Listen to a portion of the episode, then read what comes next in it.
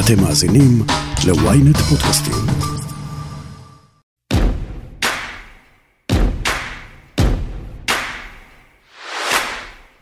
אזרחי ישראל, לפני שלושת אלפים שנים, כאן בירושלים, התרחש משפט שלמה. הודעת נתניהו על השעיית חקיקת המהפכה המשפטית הביאה אמנם להקלה במערכת המשפט, לצד תחושה שאקדח החקיקה נותר על השולחן. גם היום, שני הצדדים במחלוקת הלאומית טוענים לאהבת התינוק, לאהבת המדינה שלנו. אבל כמו בכל אירוע פוליטי, יש מנצחים ויש מפסידים. והמפסידה הגדולה באירוע הזה היא הקואליציה. אני רון טוביה, וזאת הכותרת.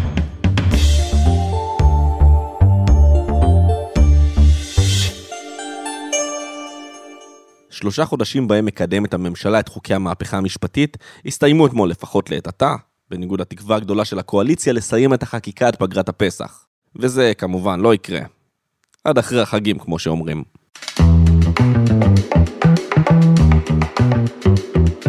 פרשן המוסף לשבת של ידיעות אחרונות עמיחי עטלי, אנחנו יכולים להגיד שכל סיעות הקואליציה הן המפסידות הגדולות באירוע הזה? המפסידות מתחילת החקיקה, זאת אומרת זאת שאלה מורכבת, אנחנו רואים את הציונות הדתית ואת עוצמה יהודית מגיבות מול הבייס שלהן נכון, זאת אומרת זאת תגובה שבעיניי היא לא תגובה בהכרח אה, ערכית נכונה, אבל פוליטית כן, כי אתה רואה שהן, אה, גם בצלאל סמוטריץ', גם איתמר בן גביר, יוצאים מהכנסת, חוצים את הכביש והולכים להפגנה של תומכי הרפורמה המשפטית.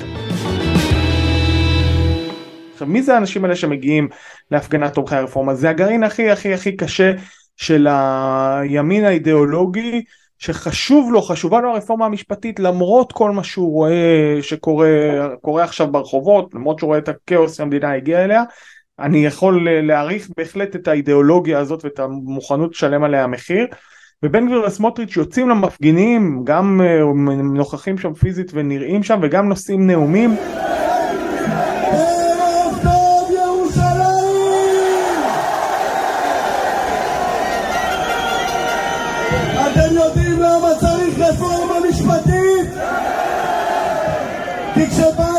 להציע חוק עונש מוות למחבלים, מי יתנגד?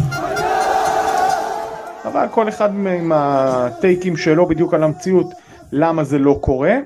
ולכן הם אלקטורלית מצליחים, גם ראינו את זה בשני סקרים שהתפרסמו ביממה האחרונה, אנחנו רואים שהם מצליחים פחות או יותר להישאר על אותם מספרים, יש בהם אולי איזה נסיגה של מנדט לעומת מצבם הנוכחי, המחיר הכי כבד וזה גם בעיניי לא מפתיע, הליכוד משלם.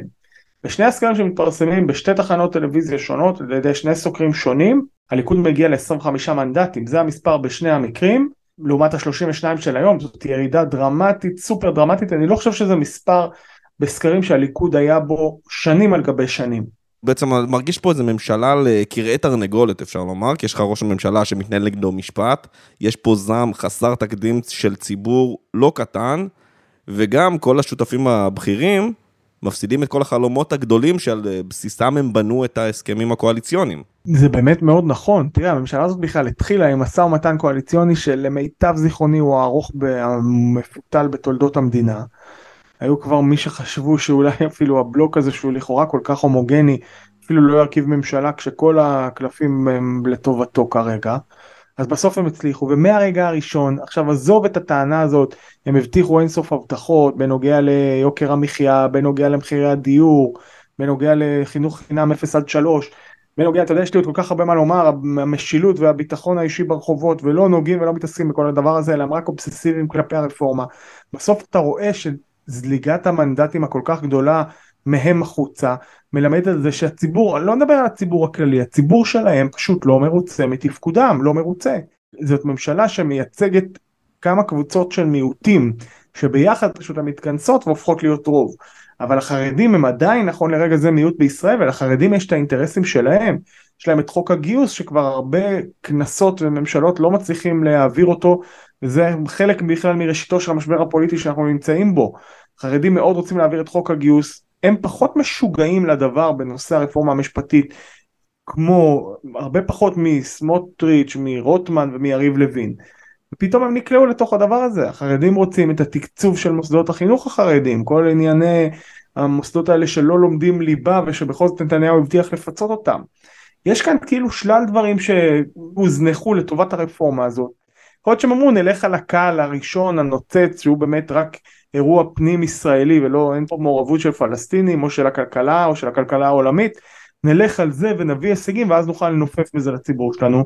הבעיה שהם הלכו בצורה כל כך דרקונית וגם מגושמת שזה התפוצץ להם ולכולנו בפרצוף ולכן יש פה הרבה מאוד תסכולים ועדיין אם יורשה לי אני חושב שהקבוצה הזאת כרגע ברור שהסימפתיה ההדדית בה ירדה בחודשים האחרונים אבל הם מבינים שהם תקועים וכלואים אה, איש בזרועו של רעהו. החיבוק הזה איך הם ישחררו אותו? עכשיו בן גביר ילך הביתה כשהוא רואה שבסיבוב הבא הוא יראה ממשלה במקרה הטוב עם משקפת. אז הוא, הוא לא יפזר ממשלה כזאת בקלות. יכולה להיות דינמיקה של התפרקות כמו שבפעם הקודמת זה, בממשלה הקודמת זאת הייתה התפרקות וגם היה די ברור לשותפ, לשותפות שהן מפרקות והן מפרקות במעשה התאבדותי של לחזור לשלטון הם לא יחזרו בקרוב אז יש גם דינמיקה כזאת שבעיניי כבר התחילה לקרות אבל בכלל עוד לא קרובה לסיום. אבל כשיצאתי החוצה וראיתי את ההפגנה של האנרכיסטים הבנתי שאם אני אפרוש אני נותן להם ניצחון הם לא ינצחו! הם לא ינצחו!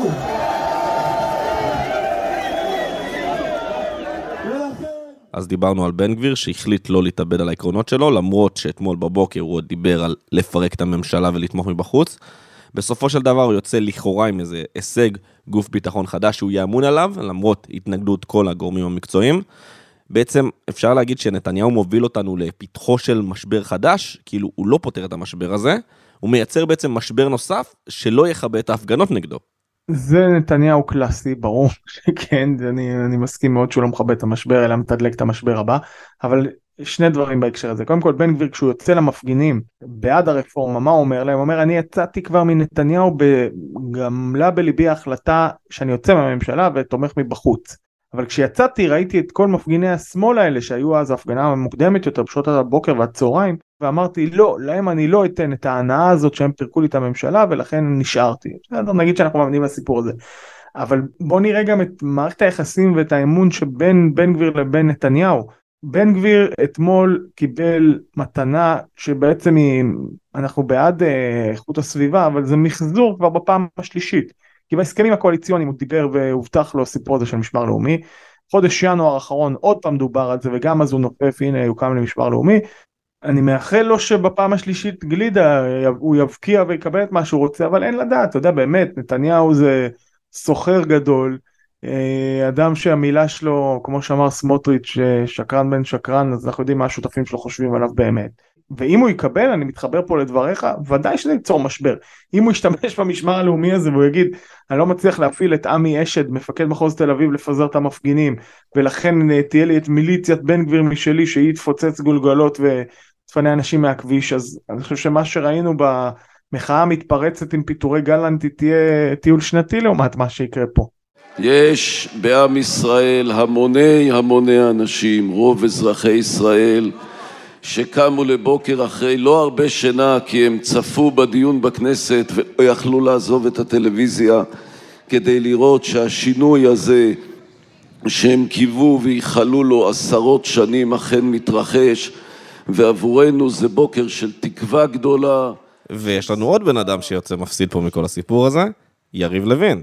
מי שהוביל את המהפכה המשפטית, אבל הוא בסופו של דבר אומר, אני מכבד את אה, הכרעת נתניהו, אני הולך איתו באש ובמים.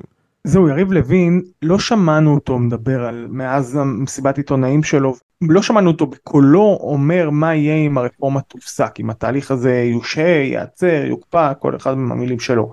כל הזמן שמענו תדרוכים על זה שיריב לוין אומר, אם זה עוצר, אני מתפטר, עזבו אותי. עכשיו, התפטרות של יריב לוין, משמעותה בקצה זה באמת נפילה של הממשלה.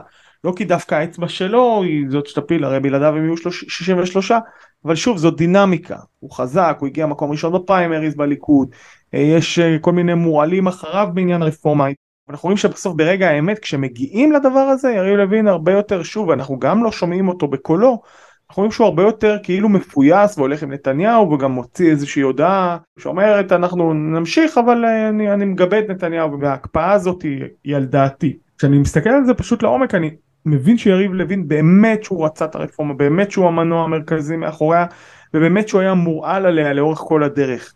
אבל המחאה שבקצה שלה זה באמת ההפגנות הספונטניות שיצאו רגע אחרי פיטורי גלנט, גם הוא בחיבור מסוים למציאות ראה שהדבר הזה זה באמת אירוע קיצוני. אולי מה שבן גביר סירב לראות גם כאן. במקרה הזה כאילו התפטרות שלו עכשיו חוץ מזה שלא יודע מה הוא היה משיג בזה באופן אישי פוליטית הייתה מפילה את, את ממשלת הימין אולי הוא כבר ידע בסקרים פנימיים את מה שאנחנו יודעים החל מהסקרים האלה שמתפרסמים בערוצי הטלוויזיה. אזרחי ישראל, אני אינני מוכן לקרוע את העם לגזרים. במשך שלושה חודשים קראתי פעם אחר פעם להידברות, וגם אמרתי שאהפוך כל אבן כדי להגיע לפתרון. ואם אני מסתכל פה על המפסיד העיקרי של כל הקואליציה, הוא בנימין נתניהו עצמו. כי הוא גם נשאר בלי שר ביטחון וגם בלי הרפורמה. חד משמעית, בנימין נתניהו המפסיד הגדול. אני מנתח את זה שבאמת, כמו בהצגות, במערכה, מי יודע כמה כבר קשה לספור אז האריה הוותיק ביותר, בנימין נתניהו, השועל הפוליטי הכי מנוסה והכי חזק, וזה שהיה נראה בלתי מנוצח, הגיע לסיבוב הזה כשהוא עייף, כשהוא חלש הרבה יותר מכל מיני סיבות. גם כל התיקים המשפטיים נגדו, שהוא אמר, זה לא יזיז לי, אני אוכל לנהל ממשלה ביחד עם uh, כמה ביקורים בבית המשפט אפילו מדי שבוע, הוא בחולשתו, הוא באמת בחולשתו, הוא בחולשתו הפוליטית, הוא כבר נסגר עליו כל הסיפור הזה שיש רוב uh, המפלגות המכנות היום בכנסת לא מוכנות בכלל לשתף איתו פעולה, אז מרחב התמרון שלו הצטמצם. והעייפות והחולשה הזאת שלו באים לידי ביטוי באמת בהצטמקות משמעותית מבחינת מנדטים, הצטמקות מבחינת אחוזי התאמה לראשות ממשלה, וזה, אני חושב שגם אם עכשיו המשבר הזה ייפתר, אני מאמין שמהר מאוד נפגוש את החולשה הזאת שוב. תכף ננסה להבין את קבלת ההחלטות של נתניהו לאורך כל האירוע הפוליטי הזה, אבל לפני כן הודעה קצרה, ומיד ממשיכים עם הכותרת. בזמן שאתם עושים כושר, סיימתם עוד שני פרקים בספר. חדש באפליקציית עברית, ספרים קוליים, דרך חדשה לנצל את הזמן ולהפוך את השגרה לחוויה מרתקת. אז בואו ליהנות מאלפי ספרים להאזנה שמחכים רק לכם. פשוט לקרוא בכל דרך, בעברית. הורידו עכשיו את אפליקציית עברית ללא עלות ותהנו מספר קולי ראשון מתנה. אז כדי להבין את קבלת ההחלטות של הממשלה, צריך להבין את העומד בראשה, בנימין נתניהו. ומי שמכיר את נתניהו כל כך טוב, הוא פרשן ידיעות אחרונות, שמעון שיפר. אה, אנחנו אה, מכירים משנת 85, אה, עוד לפני שהוא נסע לאו"ם, בשנים שבהם הוא היה שגריר ישראל באו"ם, אני הייתי שליח רשות השידור בארצות הברית. באמת, יש לנו לא מאות, אלפי שעות, אם אני צריך לסכם את זה, לאורך השנים. אז אתה מכיר אותו הרבה שנים, איזה מין נתניהו אנחנו רואים בחודשים האחרונים? זה אותו נתניהו שאתה מכיר מאז האייטיז? ביושר, בגיל 73, בקדנציה השישית שלך כראש ממשלה, אתה לא יכול להיות uh, אותו אדם. אנחנו uh, רואים אדם שעבר uh, הרבה מאוד מהמורות בחיים הפוליטיים, בניהול המדינה, ולמרבה הצער אנחנו פוגשים היום אה, אדם שהוא לחוד מהרבה מאוד בחינות, אולי אפילו איבד את אה, הכישורים ואת היכולת אה, לקבל החלטות בצורה שבה הוא קיבל לאורך השנים, כפי שהכרתי אותו. מדינת ישראל לא יכולה להתקיים בלי צה"ל, וצה"ל לא יכול להתקיים עם סרבנות. סרבנות מצד אחד תוביל לסרבנות מהצד השני. בהצהרה אתמול נתניהו אומר מילים של אחדות ופיוס, 24 שעות לפני כן הוא מתנהל כמו דיקטטור, הוא מפטר את שר הביטחון באישון לילה. איך זה בדיוק מסתדר? זה חלק מהבעיה שלנו היום עם אה, בנימין נתניהו, את ההצהרה הזאת ששמענו אה, אמש, יכול היה להשיא לפני שלושה חודשים, והיה מונע מעצמו, מעצמנו ומהאומה הישראלית את כל הדברים הנוראים שחווינו בחודשים האחרונים. אני כמובן יכול לתת את ההסבר בכך שהקואליציה, השותפים הטבעיים כפי שהוא קרא להם, שאיתם הוא הקים את uh, הממשלה השישית שלו, הם למעשה לכדו אותו, כלאו אותו למציאות שבה הוא לא, לא הייתה לו את האפשרות uh, להתנהל בצורה עצמאית. השותפים החרדים uh, רצו את הרפורמה המשפטית שעליה אה, הוא מדבר, כדי למנוע את ההתערבות של בג"ץ אה, בנושאים שקשורים לגיוסם של החרדים. אה, אחרים אה, רצו אותו כדי שהוא... למעשה הוא יאפשר לספח את יהודה ושומרון, ועוד ועוד ועוד. והעניין הכי מצער, הממשלה שהוא הקים, הנושאים הראשונים שהיא עסקה בהם אלה אה, חוקים פרסונליים, חוקים אישיים, שהיו אמורים להבטיח את אה, כהונתו ואת ענייניו אה, הקשורים לענייני המשפט שלו, עניינים שקשורים. לאפשרות שיכול לקבל תרומות ולא להחזיר מאות אלפי שקלים שהוא קיבל מבני משפחה, את האפשרות שהוא יכול להחזיר את אריה דרעי לשולחן הממשלה. אה, אלה דברים שהיו לגמרי אישיים, אלה דברים שעוררו זעם בלי שום קשר למה שאנחנו קוראים הרפורמה המשפטית. אין ספק שאם אתה מתעמק ב... סעיפים של הרפורמה המשפטית, אתה בעצם מגלה שיש כאן ניסיון לשנות את המשטר בישראל. תחת הכותרת של אנחנו רוצים לתקן את האיזונים שהופרו בין המערכת המשפטית לבין הרשות המבצעת, יש כאן בעצם ניסיון שלו ושל הקואליציה שבראשה הוא עומד להשתלט על המערכת המשפטית ולאפשר לקואליציה, ורק לקואליציה, למנות אה, שופטים בבית המשפט העליון, דבר דבר שהוא לא קיים בשום מקום בעולם.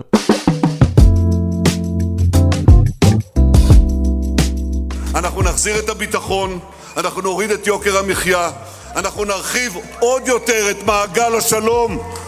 אנחנו נחזיר את ישראל למעמדה ככוח עולה בין האומות. ב-1 בנובמבר 22 נתניהו קם מהקבר, ואחרי שנה במדבר האופוזיציוני, הוא חוזר לראשות הממשלה עם קואליציה יחסית יציבה על פניו. אבל מפה העסק רק מידרדר. אחרי משא ומתן קואליציוני מתיש, הוא מקים עם הבאזר את ממשלתו השישית, שמיומה הראשון, כל שותף קואליציוני בכיר בה, וגם נתניהו, עושה לעצמו איזושהי השמדת ערך. נדמה לי שהבעיה העיקרית של אה, בנימין נתניהו אה, עם הממשלה השישית שלו, ששותפיו באים אה, מצבע אחד. נתניהו לאורך השנים, הוא השכיל תמיד לצרף שותפים שבאים ממה שאנחנו קוראים המרכז. אה, והם בעצם אה, סייעו לו לנהל את המדינה בצורה כזאת שכל צד בלאום קיבל משהו. מה שקרה ב... אה, הממשלה השישית עם ה-64 מנדטים, שלכאורה הם אפשרו לו לעשות ככל העולה על רוחו, וזאת הייתה הטעות האסטרטגית הגדולה שלו. הטעות של בנימין נתניהו מתבטאת בכך שגם אם אתה מקים ממשלה של 64 מנדטים, שמתבססת על 64 מנדטים, זה עדיין לא נותן לך רישיון למה שאנחנו קוראים אה, בשפת החברים, זה לא נותן רישיון להרוג. גם אם אתה טוען שיש לך רוב בכנסת, זה עדיין לא מאפשר לך לשכוח מכל אלה שלא בחרו בך. ומה שקרה כאן, שהשותפים הטבעיים שלו, הם לא המתינו, הם רצו מיד, בתוך חודשים אחדים, לקבל את כל מה שהם אה, למענם, למען אה, אה, אה, בסיסי הבחירה שלהם. וזו טרגדיה גם פרטית שלו, וזו גם טרגדיה של המדינה. בפרק של אתמול דיברנו שצריך להחזיר את האמון בין העם לבין השלטון. נתניהו הוא האיש לעשות את ה connection הזה? למרבה הצער, אה, לא צריך להיות פרשן, מספיק לעקוב אחרי מה שמתרחש ברחובות, מה שמתרחש בהפגנות, ולהגיע להכרה ולמסקנה שמהבחינה הזאת בנימין נתניהו כבר לא כתובת, לא לאיחוד האומה, לא לקבלת אה, אמון האומה, משום שבניגוד למה שבנימין נתניהו וגם דובריו וגם אלה שמהדהדים את מסריו, הם תמיד דיברו בשלושה החודשים האחרונים על אנרכיסטים, הם דיברו על קציני מילואים כמוגלה, הם אלה שמהדהדים את המסרים שלו, אה, עשו כל דבר נורא אפשרי בכל מה שקשור לגבי אה, קבוצות גדולות מאוד באוכלוסייה שהן שותפות והן שותפות מלאות בהגנה על המדינה, בקיום כלכלתה, ולכן אני כבר לא יכול לראות יותר את בנימין נתניהו כמי שיכול לאחד את האומה או כמי שיאזינו לו. אני חושב, ואני בעניין הזה, וזה עניין פרטי, אני, אני מוכן לומר שמוטב היה אם הוא היה יורד מבמת ההיסטוריה שלנו. אני הייתי מצפה ממנו לנאום אחר אה, ממה שהוא נשא אתמול. הדבר שהוא היה צריך, לה, לדעתי, אם הוא באמת חרד להמשך קיומה של המדינה, הוא היה צריך להודיע שהוא הולך לנשיא, מגיש לו את התפטרותו, משום שאנחנו רואים כאן גילויים של חוסר אמון בו, חוסר אמון בממשלתו וחוסר אמון במערכות המדינה, וזה לדעתי דבר נורא ואיום. שמעון שיפר, תודה רבה. תודה רבה לכם.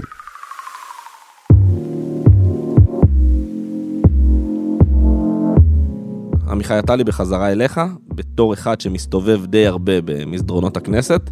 אתה יכול להבטיח לציבור המאזינים שלנו שהממשלה הזאת תשלים את ימיה, או שאנחנו שוב הולכים לבחירות? תראה, אני לא יכול להבטיח, אני לא יכול להבטיח כלום, בוא נגיד שתחושת הבטן שלי היא שאנחנו נהיה בבחירות. אני, אני בדרך כלל משתדל להימנע מהימורים ומהשערות כאלה, כי באמת שאין לי שום סיבה קונקרטית להגיע, לחשוב את מה שאני הולך לומר. תחושת בטן נטו זה שתוך שנה אנחנו בבחירות לכל המאוחר. קודם כל המצב הנוכחי בסקרים אנחנו יודעים שאנחנו באמת מדינת ישראל חיה על ספידים וברמות טרללת משוגעות והכל יכול להשתנות עוד ולהתהפך אבל המגמה הנוכחית היא של התמרכזות. זאת אומרת השוליים זה לא שמפלגת העבודה בסקרים האחרונים צמחה מאוד או שמרץ גם אם היא עוברת בסקרים האלה זה לא שהיא מגיעה ל-12 מנדטים אלא נשארת על ארבעה. אני יכול להגיד כאן גם את דעתי וגם את שאיפתי בסדר? אנחנו צריכים להתמרכז אנחנו צריכים אנשים אחראים מתונים וגם נחושים לעשות את זה ביחד. מה שראינו עד עכשיו בממשלה הזאת זה בעיקר נחישות, אבל בלי אחריות ובלי מתינות, והנחישות הזאת בעיקר הופנתה פנימה לתוך החברה הישראלית ופחות לאויבינו בחמאס, באיראן, בחיזבאללה. במצב כזה אני מקווה ומייחל לזה שמתגבש איזשהו גוש מרכז גם עם נטייה ימינה כי בסוף הציבור הישראלי נוטה ימינה שהוא יודע לעשות את הדברים האלה וגם יודע אפילו להביא רפורמה במערכת המשפט, פשוט לא באופן הזה ולא בסגנון הזה. ויש שם אחד שלי בראש הוא לא מפסיק לרחף ואני מאמין שהוא יהיה שחקן משמעותי בבחירות הבאות, זה נפתלי בנט. אני קורא לראש הממשלה, תעצור את החקיקה מיד ולהחזיר את גלנט לתפקיד, אה, למשוך חזרה את המכתב הזה ולהרגיע את המדינה. בנט כל הזמן לא מפסיק להקיף את המגרש בחימומים, שים לב שבכל איזה אירוע, אפילו בהפגנות סביב גלנט, בנט עולה על קו הטלפון לשיחות אה, רעיונות בערוצי טלוויזיה, הוא אפילו לא מנסה להיראות כמי שלא מכין את עצמו, וכשהוא יגיע צריך לראות באמת מה יהיה השווי הפוליטי שלו, אם הוא באמת יהיה בכלל שחקן. אבל uh, אני חושב שהוא גם זו שאיפה שלי אני לא מסתיר את זה אבל גם ב, בתחזית שלי זה בדיוק הדבר הזה שחסר, איזושהי ציונות דתית ליברלית שיודעת לתת גם אלמנטים ימניים וביטחוניסטיים, אבל גם כלל ישראלים, גם הבנה של ההתלכדות בתוך העם היא חשובה מאוד, ואני בכלל לא בהכרח מכתיר אותו לראש ממשלה, אבל אני כן רואה בו שחקן עתידי משמעותי. ודיברנו כאן בעיקר על המפסידים מהאירוע הזה ומי המנצחים, כמובן אתם יכולים לנחש שזאת האופוזיציה, כי אין עוד אופציות, אה, לא משנה. כחול לבן, ההיא, אתם זוכרים? שלושה סבבי בחירות, גנץ ולפיד, היום מפוצלת ליש עתיד והמחנה הממלכתי, מביאה ביחד בסקרים 45 מנדטים לעומת 25 של הליכוד. נכון, זה כוח משוגע שלא מומש, אבל אם נסתכל היסטורית מאיפה המנדטים האלה מגיעים, מאחר ואנחנו תמיד בתוך הפול של המאה ה-20, אז המנדטים האלה מגיעים בעיקר ממפלגת העבודה ההיסטורית, כשבוז'י יצחק הרצוג, הנשיא דהיום, היה ממש לא מזמן יושב ראש מפלגת העבודה, כשהוא רץ בראשות העבודה, הוא הביא 24 מנדטים. אם העבודה הצטמקה לארבעה, אז איפה ה-20 האלה? זה בדיוק, זו, זאת מתמטיקה מאוד פשוטה. גנץ נחשב איפשהו ליורש של מפלגת העבודה בהיבטים האלה של המושבים, הקיבוצים, היה ז'אנר כזה במפלגת העבודה ההיסטורית של אה, ביטחוניסטים, רבין היה כזה, היו את היונים והיו את הניצים. אז גנץ הוא ביטחוניסט, הוא כן רואה באופן ממלכתי, הוא כן גם יש לו זיקה לציונות הדתית, גם מבחינת נציגים ברשימה שלו וגם מבחינת החיבור האישי שלו לאזורים האלה. אז אני חושב שבעיקר גנץ, זה החידוש שגנץ צומח כל כך, כי לפיד, אז הוא לפעמים היה 16, לפעמים הוא מעל 20, מהירושה שלו מתוך כחול לבן ההיסטורית, לפיד די נשאר באותם אזורים. הקפיצה וההפתעה הגדולה היא גנץ, ואני אומר, אם מסתכלים על זה לעומק, זה גם לא באמת אמור להפתיע אותנו. אז אה, עמיחי עטלי, בוא נסכם את זה במילה אחת, או שתי מילים. יהיה בסדר. לגמרי. אני, אחרי כמה שבועות של דיכאון אמיתי, הראש שלי קצת התרומם בימים האחרונים.